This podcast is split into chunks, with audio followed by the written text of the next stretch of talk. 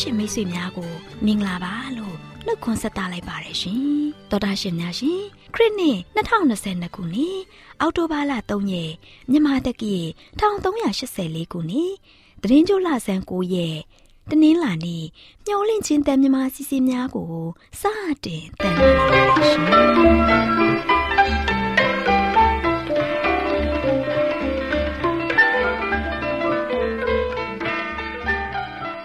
တော်တာရှင်များခင်ဗျာမျောလင့်ချင်းအတန်မြန်မာအစီအစဉ်ကိုနက်နက်6နိုင်မိနစ်30မှ9နိုင်အထိ16မီတာ kHz တစ်ခွန်ခွန်23ညညပိုင်း9နိုင်မှ9နိုင်မိနစ်30အထိ25မီတာ kHz 11943ညမှအတန်လွှင့်ပေးနေပါတယ်ခင်ဗျာ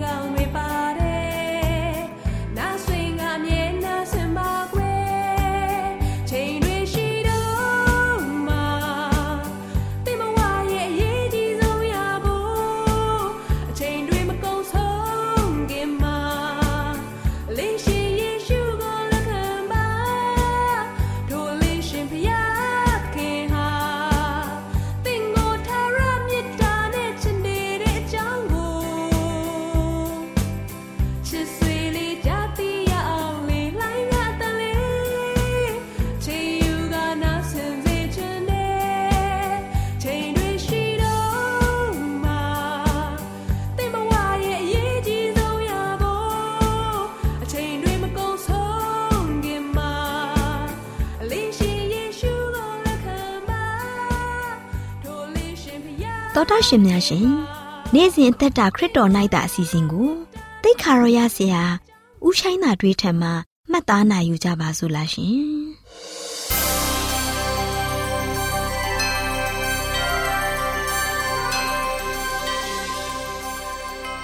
ချစ်ခင်လေးစားအပ်ပါသောချစ်တော်ရရှင်ဓမ္မမိတ်ဆွေညီကိုမောင်နှမများအားလုံးမင်္ဂလာပေါင်းနဲ့ပြည့်စုံကြပြီးကိုစိတ်နှပြကျမ်းမာချမ်းသာတော်မူကြပါစေလို့ရှေးဥစွာ နှုတ်ခွန်းဆက်သရင်ဆုတောင်းမြတ်တာပို့သလိုက်ပါတယ်။အခုချိန်မှာနေ့စဉ်အသက်တာခရစ်တော်၌သာအစီအစဉ်ရောက်ရှိလာပြီးဖြစ်တဲ့အတွက်စကလုံးမပါသောမိကွန်းဆိုတဲ့ခေါင်းစဉ်နဲ့ဓမ္မမိတ်ဆွေများအားလုံးအတွက်ဝိညာဉ်ခွန်အားရရှိဖို့ရန်အားပေးတိုက်တွန်းသွားခြင်းပါတယ်။ရှေးဥစွာကျမ်းစာတော်မြတ်တစ်ပိုက်ကိုဖတ်ပြခြင်းပါတယ်။ဘယ်မှာတွေ့နိုင်တယ်လဲဆိုရင်ဟေဘရဲဩဝါဒစာအခန်းကြီး7အငယ်၄ထဲမှာဖြစ်ပါတယ် ဘယ်လိုဖော်ပြထားတယ်လဲဆိုတော့အာဘီလသည်ကာဣနပူဇော်သောရစ်ထက်တာ၍မြတ်သောရစ်ကိုယုံကြည်ခြင်းအားဖြင့်ဖျားသခင်အားပူဇော်၏ထို့သောသောရစ်ကို ပူဇော်၍မိမိဖြောက်မှတ်သည်ဟုတက်တည်ခံတော်မူခြင်းကိုရလေ၏အဘယ်သို့နည်းဟုမူကားသူလူသောအလူကိုဖျားသခင်သည် လက်ခံတော်မူ၏တို့ဖြစ်၍အာဘေလသည်တေလွန်တော်လဲယခုပင်တရားဟောသေး၏ဆိုပြီး ဖော်ပြထားပါတယ်ချစ်တော်ရရှင်ပေါင်းတို့ခင်ဗျာတမန်ကျမ်းစာတအုပ်လုံးကိုပြန်ပြီးကြည့်တဲ့အခါမှာအာဘေလပြောဆိုမြည်တမ်းခဲ့တဲ့စကားတစ်လုံးကိုတော့မှတမန်ကျမ်းစာထဲမှာမှတ်တမ်းမတင်ထားခဲ့ပါဘူးဒါပေမဲ့လည်းခုနတုန်းကဖတ်သွားခဲ့တဲ့ကျမ်းချက်အရအာဘေလဟာအခုထက်တိုင်စကားပြောနေသေးတယ်ဒါမှမဟုတ်တရားဟောနေသေးတယ်လို့ပြောထားပါတယ်။ဘာကြောင့်ပါလဲ။ချစ်တော်ရရှင်ပေါင်းတို့ခင်ဗျာ။ အမှန်တကယ်တော့အာဘေလရဲ့ဟောပြောချက်ဟာစကလုံးမပါတဲ့ဟောပြောချက်ပဲဖြစ်ပါတယ်။အထူးသဖြင့်သူ့ရဲ့အသက်တာနဲ့ဇာရိတကိုပို့ပြီးအားဖြစ်ထားတဲ့တက်တေခံမှတ်တမ်းပဲဖြစ်ပါတယ်။ထိုနည်း၎င်းပါပဲဒီကနေ့ခရိယန်တယောက်အနေနဲ့မိမိတို့ရဲ့ဇာရိတတက်တေခံချက်ဟာမိမိတို့ရဲ့စကားအပြောထက်ပိုပြီးအရေးကြီးတယ်ဆိုတာကို တွေ့ရှိရပါတယ်ချစ်တော်ရရှင်ပေါင်းတို့ခင်ဗျာ ဒီကနေ့ကျွန်တော်တို့အနေနဲ့လူပုပ်ကိုတူးချင်းစီမှာပဲဖြစ်ဖြစ်ဒါမှမဟုတ်လူတို့ပြိတ္တရဲ့ရှေ့မောက်မှာပဲဖြစ်ဖြစ်ခရစ်တော်ဖျားအတွက်တက်တည်ခံတဲ့အခါမှာကျွန်တော်တို့ပြောဆိုလိုက်တဲ့စကလုံးလေးတွေရဲ့နောက်ွယ်မှာခရိယအသက်တာဟာတကယ်ပဲရှိရလားဆိုတာစဉ်းစားဖို့လိုအပ်ပါတယ်ဒါမှမဟုတ်ခရစ်တော်အတွက်ကြိုးပမ်းလှုပ်ဆောင်နေတဲ့လုပ်ငန်းကြီးအောင်မြင်မှုရှိအောင်ဘယ်အရာကလှုပ်ဆောင်ဖို့လိုအပ်ပါသလဲဒါမှမဟုတ်အပြစ်လုပ်နေဆဲလူသားတဦးအနေနဲ့ တပားသူကို ဖြောက်မှတ်ခြင်းရအောင် ပြောင်းလဲပို့ဆောင်ပေးနိုင်ပါသလားအစရှိစဉ်းစားစရာရှိပါတယ်ချစ်တော်ရရှင်ပေါင်းတို့ခင်ဗျာပျောဖက်အေလိရှဲရဲ့ကျုံဂေဟာဇိဟာဖခင်ရဲ့လူဖြစ်တဲ့ပျောဖက်အေလိရှဲနဲ့ဆက်ဆံနေခဲ့ရပေမဲ့သူ့ရဲ့အသက်တာကို ကောင်းကင်တကိုးစီမှာ လုံးလုံးမအပ်နိုင်ခဲ့ပါဘူး။ဒါကြောင့်လည်းပဲဂေဟာဇိဟာအနုယောဂါနဲ့ဏိကုံချုပ်တေဆုံးခဲ့ရပုံကို ဓမ္မမိတ်ဆွေများအနေနဲ့သိရှိကြမှာပဲ။ဒီဖြစ်ရဟာသူ့အတွက်ကြိမ်ချင်းအမင်္ဂလာအဖြစ်တက်ရောက်သွားခဲ့ပါတယ်။ချစ်တော်ရရှင်ပေါင်းတို့ခင်ဗျာ။တနေ့မှာအေလိရှဲဟာရှုနေမြို့ကိုရောက်သွားတဲ့အခါမှာရှုနေမျိုးသမီးကြီးတူရဲ့သားဟာတေဆုံးသွားတဲ့အတွက်ပြောဖက်အေလိရှဲကိုကြွရောက်လာဖို့လူကိုဆစ်လွတ်ပြီးခေါ်ပင့်ခဲ့ပါတယ်။ဒါပေမဲ့ပြောဖက်အေလိရှဲဟာသူ့ရဲ့ကိုစား သူ့ရဲ့ကျွန်ဂေဟာစီကိုဆစ်လွတ်လိုက်ပါတယ်။မဆစ်လွတ်ခင်မှာအေလိရှဲဟာဂေဟာစီကိုခေါ်ပြီးမင်းရဲ့ခါးကိုစီးလိုက်ပါ။ပြီးရင်ငါရဲ့တောင်ဝေးကိုကင်ပြီးသွားပါ။လမ်းမှာလူတယောက်ယောက်ကိုတွေ့ရင်နှုတ်မဆက်ပါနဲ့။ဒါမှမဟုတ်တယောက်ယောက်ကမင်းကိုတွေ့လို့နှုတ်ဆက်ရင်ဘာမှပြန်မပြောပါနဲ့။အိမ်ရောက်တဲ့အထိသွားပြီးငါရဲ့တောင်ဝေးကိုသေနေတဲ့သားငယ်ရဲ့မျက်နှာပေါ်မှာတင်လိုက်ပါဆိုတဲ့ အထူးဩဝါဒကို လိုက်နာဖို့ညွှန်ကြားမှုခံခဲ့ရပါတယ်။ခြေတော်ရရှင်ပေါင်းတို့ခင်ဗျာဂေဟာစီအနေနဲ့သူ့ရဲ့ဆရာပြောဖက်အေလိရှဲရဲ့ညွှန်ကြားထားတဲ့ပုံစံအသေးစိတ်ကိုစုံတဲ့အထိလိုက်နာဆောင်ရွက်ခဲ့ပါတယ်။ဒါပေမဲ့ဘာမှဖြစ်မလာခဲ့ပါဘူး။ကျမ်းစာထဲမှာဖော်ပြထားချက်အရပြောဖက်အေလိရှဲညွှန်ကြားတဲ့အတိုင်းဂေယာဇိဟာတောင်ဝေးကို ကလေးရဲ့မျက်နှာပေါ်မှာတင်ထားပေမဲ့လည်းကလေးငယ်စီကဘာအတန်းမှထွက်မလာဘူးလို့ဓမ္မရာဇဝင်စရုဒ္ဓဆောင်အခန်းကြီး၄အငယ်31ထက်မှာဖော်ပြထားပါတယ်ချစ်တော်ရရှင်ပေါင်းတို့ခင်ဗျာဒီနေရာမှာပြန်ကြည့်တဲ့အခါတကယ်လို့တကိုးဟာပြောဖက်အေလိရှဲရဲ့တောင်ဝေးမှာရှိနေပေမဲ့လည်းတောင်ဝေးကိုကန်ဆောင်ခဲ့တဲ့ဂေဟာဇိရဲ့လက်ဟာတောင်ဝေးမှာရှိတဲ့တကိုးကို ပြက်ပြယ်စေခဲ့တဲ့အတွက် ဂေယာစီအနေနဲ့တည်နေတဲ့သားငယ်ကို ရှင်အောင်မလုပ်နိုင်ခဲ့ပါဘူး။ဒါကြောင့်ပြောဖက်အေလိရှဲမှာဝိညာဉ်တော်နဲ့ပြည့်ဝတဲ့တကိုးရှိပေမဲ့တနာစရာဂေဟာစီစီမှာတော့ပါတကိုးမှ မရှိခဲ့ဘူးဆိုတာကိုတွေ့ရှိရပါတယ်။ဒါကြောင့်တောင်ဝေးရဲ့နောက်ွယ်မှာဖျားရှင်တဲ့တကိုးတော်ကရှိနေကြောင်းကို ဖွင့်ဆိုထားပါတယ်။ချစ်တော်ရရှင်ပေါင်းတို့ခင်ဗျာဝိညာဉ်တော်ရေးသားထားတဲ့စာဆောင်ထဲမှာပယ်လိုဖော်ပြထားတယ်လဲဆိုရင် ဖျားသခင်ရဲ့ဝိညာဉ်တော်သာလျှင်အပြစ်ရဲ့ပြစ်မှုကို ထင်ရှားစွာသိမြင်သွန်သင်နိုင်တဲ့စွမ်းအားရှိပါတယ်။ပြင်ပသဏ္ဍာန်ဟာလူတို့ရဲ့စိတ်အာယုံကိုတည်င်ကလောက်ပဲဆွဲမှတ်စေပါတယ်။ဘုရားသခင်အနေနဲ့တော့အောတပစိတ်တွေကို အမှန်တရားနဲ့ပြည့်ဝစေပါတယ်။ဒီကနေ့ကျွန်တော်တို့ရဲ့အသက်တာမှာအောင်မြင်သောသူရောက်တိုင်းဖြစ်နိုင်ကြပါစေ။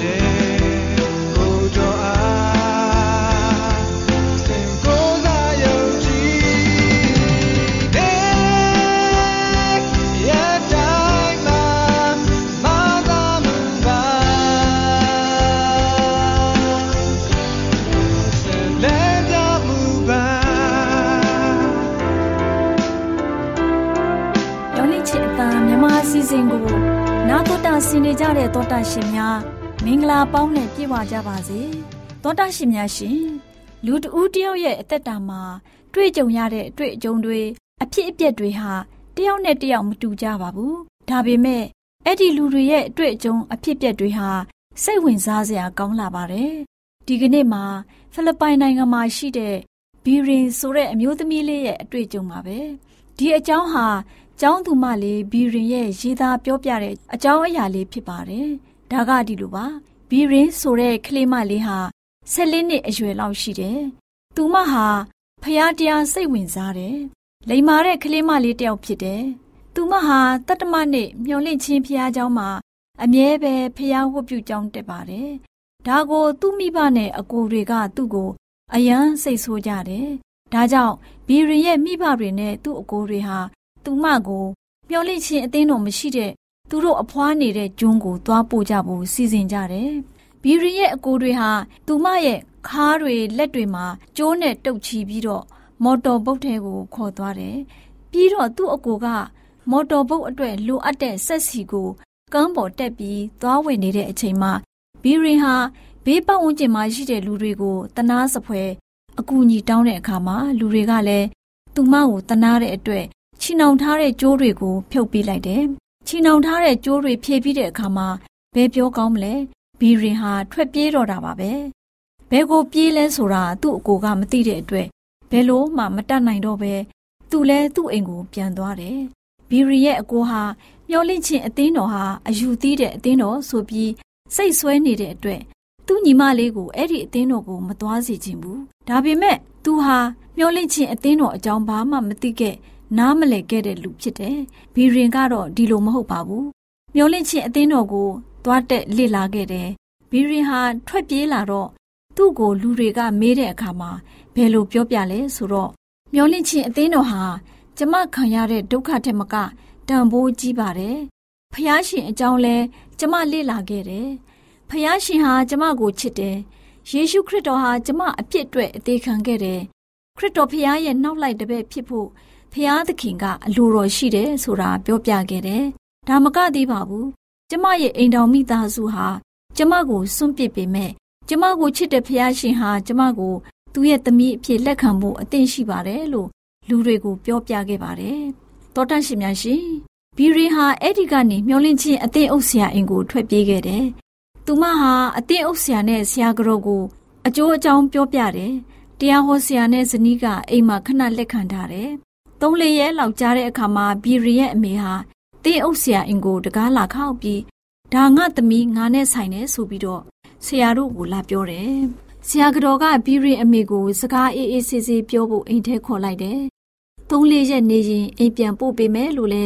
ပြောတော့ဘီရီရဲ့မိခင်လည်းအိမ်ပြန်သွားတယ်။အသင်းအုပ်ဆရာဇနီးမောင်နှံလည်းသုံးလေးရက်နေပြီးဘီရင်ကိုသူ့အိမ်သွားပို့လိုက်တယ်။ဆရာတို့ပြန်သွားတော့ဘီရင်ဟာအရိုက်အနက် အကန်အကြောက်ခံရပါတော့တယ်။အဖွားစီပို့မယ်လို့ပြောပြန်တယ်။ဘီရင်ရဲ့အဝတ်အစားတွေအားလုံးသူ့အဖွားစီကိုပို့ထားလိုက်တယ်။ဘီရင်ရဲ့အဝတ်အစားအသုံးဆောင်ပစ္စည်းတွေပါမှမရှိတော့ပါဘူး။ဒီခါမှာဘီရင်ကိုမိဘအကိုတွေက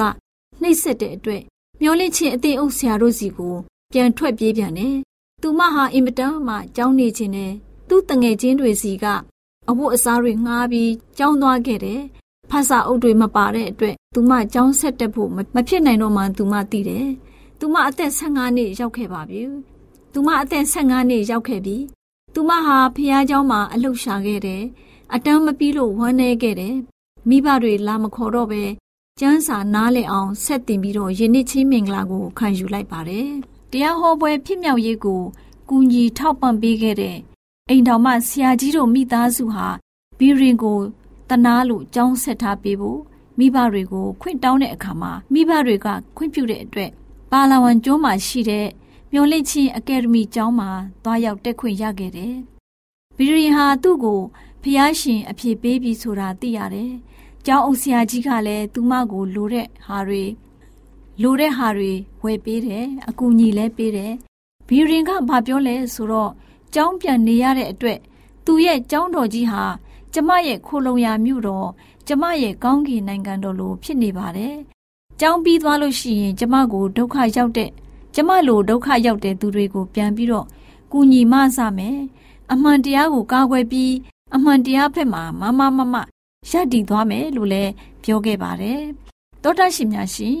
ဘီရီဆိုတဲ့တငမလေးရဲ့ဆုတောင်းမှုဖះကိုဆက်ကပ်မှုတစ္ဆာရှိမှုတို့ကြောင့် အောင်မြင်သွားတဲ့အသက်တာအတွေ့အကြုံကိုနာတော်တာဆရာချင်းဖြင့်ဘဟုတုတတိုးပွားပြီးဝိညာဉ်ခွန်အားရယူနိုင်ကြပါစေ။သောတာရှင်များရွှေလန်းချမ်းမြေ့ကြပါစေရှင်။င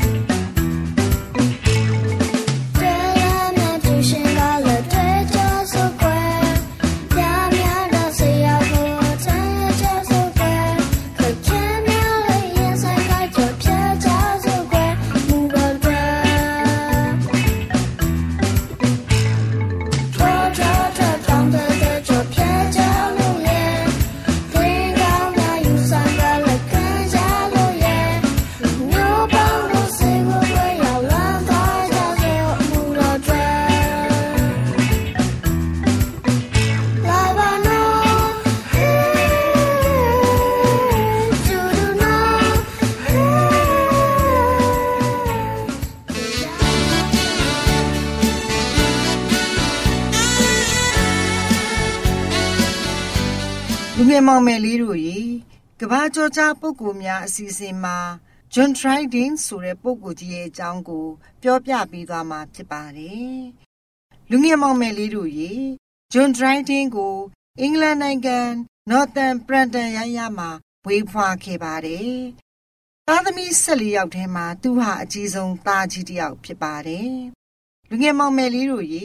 Westminster ကျောင်းနဲ့ Cambridge တက္ကသိုလ်တွေမှာပညာသင်ကြားခဲ့ပြီး သူဟာလန်ဒန်မြို့ကို ပြောင်းရွှေ့လာခဲ့ပါတယ်။အဲ့ဒီမှာသူဟာတသက်လုံးနေထိုင်သွားခဲ့ပါတယ်ကွယ်။လူငယ်မောင်မယ်လေးတို့ရေ Dryden ဟာ19ရာစုအင်္ဂလိပ်စာပေလောကရဲ့ခေါင်းဆောင်တစ်ယောက်ဖြစ်ပြီးသူ့ရဲ့အသက်28နှစ်မှာစာကိုစရေးပါတယ်။အဲ့ဒီစာအုပ်ကိုရေးပြီးတဲ့နောက်နှစ်နှစ်အကြာမှာတော့ ဒုတိယမြောက် Charles ဘုရင်ဖိတ်ခေါ်လို့နန်းတွင်တဲကိုရောက်ခဲ့ပါတယ်။သူ့ရဲ့မြန်ဆန်လာတဲ့ဘဝအချိုးအကွေကြောင့်သူ့ဘဝဟာလည်းပြောင်းလဲသွားခဲ့ပါတယ်။သူဟာကြပြားတွေကိုအများကြီးရေးဖွဲ့နိုင်ခဲ့ပါတယ်။သူဟာငြိမ်းချမ်းရေးနဲ့လုံခြုံရေးကိုတန်မိုးထားသူတယောက်လည်းဖြစ်ပါတယ်ကွယ်။အဲ့ဒီနောက်မှာတော့သူဟာကိုယ်တိုင်ပြဆက်အပုပ်20ကျော်ကိုရေးပြီးတော့ယုံတင်ကပြခဲ့ပါတယ်ကွယ်။ လူငယ်မော်မယ်လေးတို့ရေသူ့ရဲ့ပြဆက်တွေထဲမှာအကောင်းဆုံးလို့ဆိုတဲ့ All for Love ဆိုတဲ့ဇာတ်လမ်းထဲမှာ Mark Antony နဲ့ Cleopatra အကြောင်းကို ဖွဲ့ဆိုထားပါတယ်။ခြေကွဲပွဲတမိုင်းနောက်ခံဇာတ်လမ်းတွေကိုနှစ်သက်သူတူဖြစ်တဲ့အတွက်ကြောင့်စွန့်စားခန်းတွေပါတဲ့ဝတ္ထုတွေရေးသလိုပျော်ရွှင်ဖွယ်ရာဇာတ်လမ်းတွေကိုလည်းရေးခဲ့ပါတယ်။လူငယ်မောင်မယ်လေးတို့ရေတကယ်တော့ Dryden ဟာ ကြပြားစာဆိုတယောက်ဖြစ်တယ်လို့ပြဆက်ရေးဆရာတယောက်လည်းဖြစ်ပါတယ်ကွယ်အင်္ဂလိပ်စကားပြေကိုကျွမ်းကျင်ပိုင်နိုင်သူလည်းဖြစ်ပါတယ် Grinding ဟာသူ့ရဲ့အသက်50ရောက်လာတဲ့အခါမှာတော့အဲ့ဒီခေအချိန်အခါရဲ့အကြီးမြတ်ဆုံးကြပြားစာဆိုဒုက္ခမိန်ကြီးတယောက်ဖြစ်လာပါတော့တယ်ကွယ်လူငယ်မောင်မယ်လေးတို့ရေ Grinding ဟာကြပြားစာဆိုကြီးပြဆက်ဆရာ မင်းမှုတန်အရာရှိတမိုင်းဝင်သူရဲကောင်းများကို တလေးတစားမှတ်တမ်းတင်သူဘာသာရေးပြုပြင်ရေးသမားစတဲ့ဘဝတွေမှာကျင့်လည်ခဲ့ရပြီးအင်္ဂလိပ်စာပေရဲ့ဖခင်ကြီးအဖြစ်အတိမတ်ပြုခြင်းခံရသူပုဂ္ဂိုလ်ကြီးဖြစ်ပါတယ်။စာရေးဆရာကြီးဒေါက်တာကျွန်းစင်က စာဆိုကြီး Dryden ကို Dryden ဟာမြေအုပ်တွေကိုဖယ်ရှားပြီးကြောက်အုပ်တွေနဲ့အစမ်းတကျဲတိဆောက်ခဲ့တဲ့ စာပေပိတုကာကြီးတယောက်ပါဆိုပြီးတော့ချီးမွမ်းထောပနာပြုခဲ့ပါတယ်ကွယ်လူငယ်မောင်မယ်လေးတို့ရေဒီနေ့ကြားသိရတဲ့ကဘာကျော်ပုဂ္ဂိုလ်ကြီးတယောက်ကတော့မြေအုပ်တို့ပြိုလေရာကြောက်အုပ်တို့ဖြင့်တိဆောက်ခဲ့သူ စာပေပိတုကာကြီးဂျွန်ဒရိုင်းဒင်းရဲ့အကြောင်းပဲဖြစ်ပါတယ်ကွယ်မျော်လင့်ခြင်းအတန်တော်တာရှင်များရှင်ကဘာကျော်ကြားပုဂ္ဂိုလ်များစီစဉ်မှာစာရေးသူဆရာကြီး ဥဝံထိန်ရေးသားထားတဲ့ကမ္ဘာစာဆိုကြီးများနဲ့အခြားပုဂ္ဂိုလ်ကျော်ကြီးများစာအုပ်မှာဂျွန်ဒရိုင်းရဲ့အကြောင်းကို ကောက်နှုတ်တင်ပြပေးခဲ့ခြင်းပဲဖြစ်ပါတယ်ရှင်။ကျေးဇူးတင်ပါတယ်ရှင်။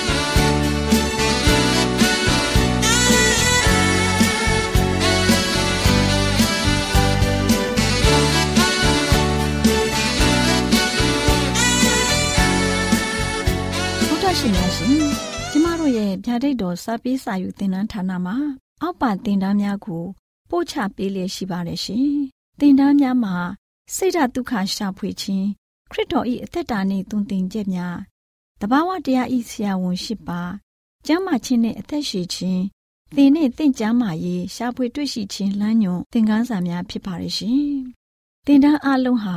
အခမဲ့သင်တန်းတွေဖြစ်ပါတယ်။ဖြစ်ဆိုပြီးတဲ့သူတိုင်းကို ဂုံပြုလွှာချီးမြှင့်ပေးမှာဖြစ်ပါတယ်ရှင်။တော်တာရှင်များခင်ဗျာဓာတိတော်အတန်းစာပေးစာယူဌာနကိုဆက်သွယ်ခြင်းနဲ့ဆိုရင်တော့ဆက်သွယ်ရမယ့်ဖုန်းနံပါတ်ကတော့39 656 296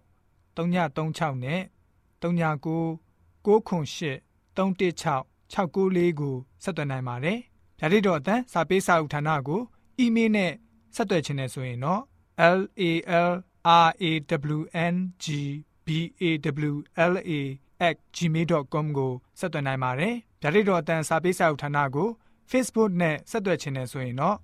SOESANDAR Facebook အကောင့်မှာဆက်သွင်းနိုင်ပါတယ်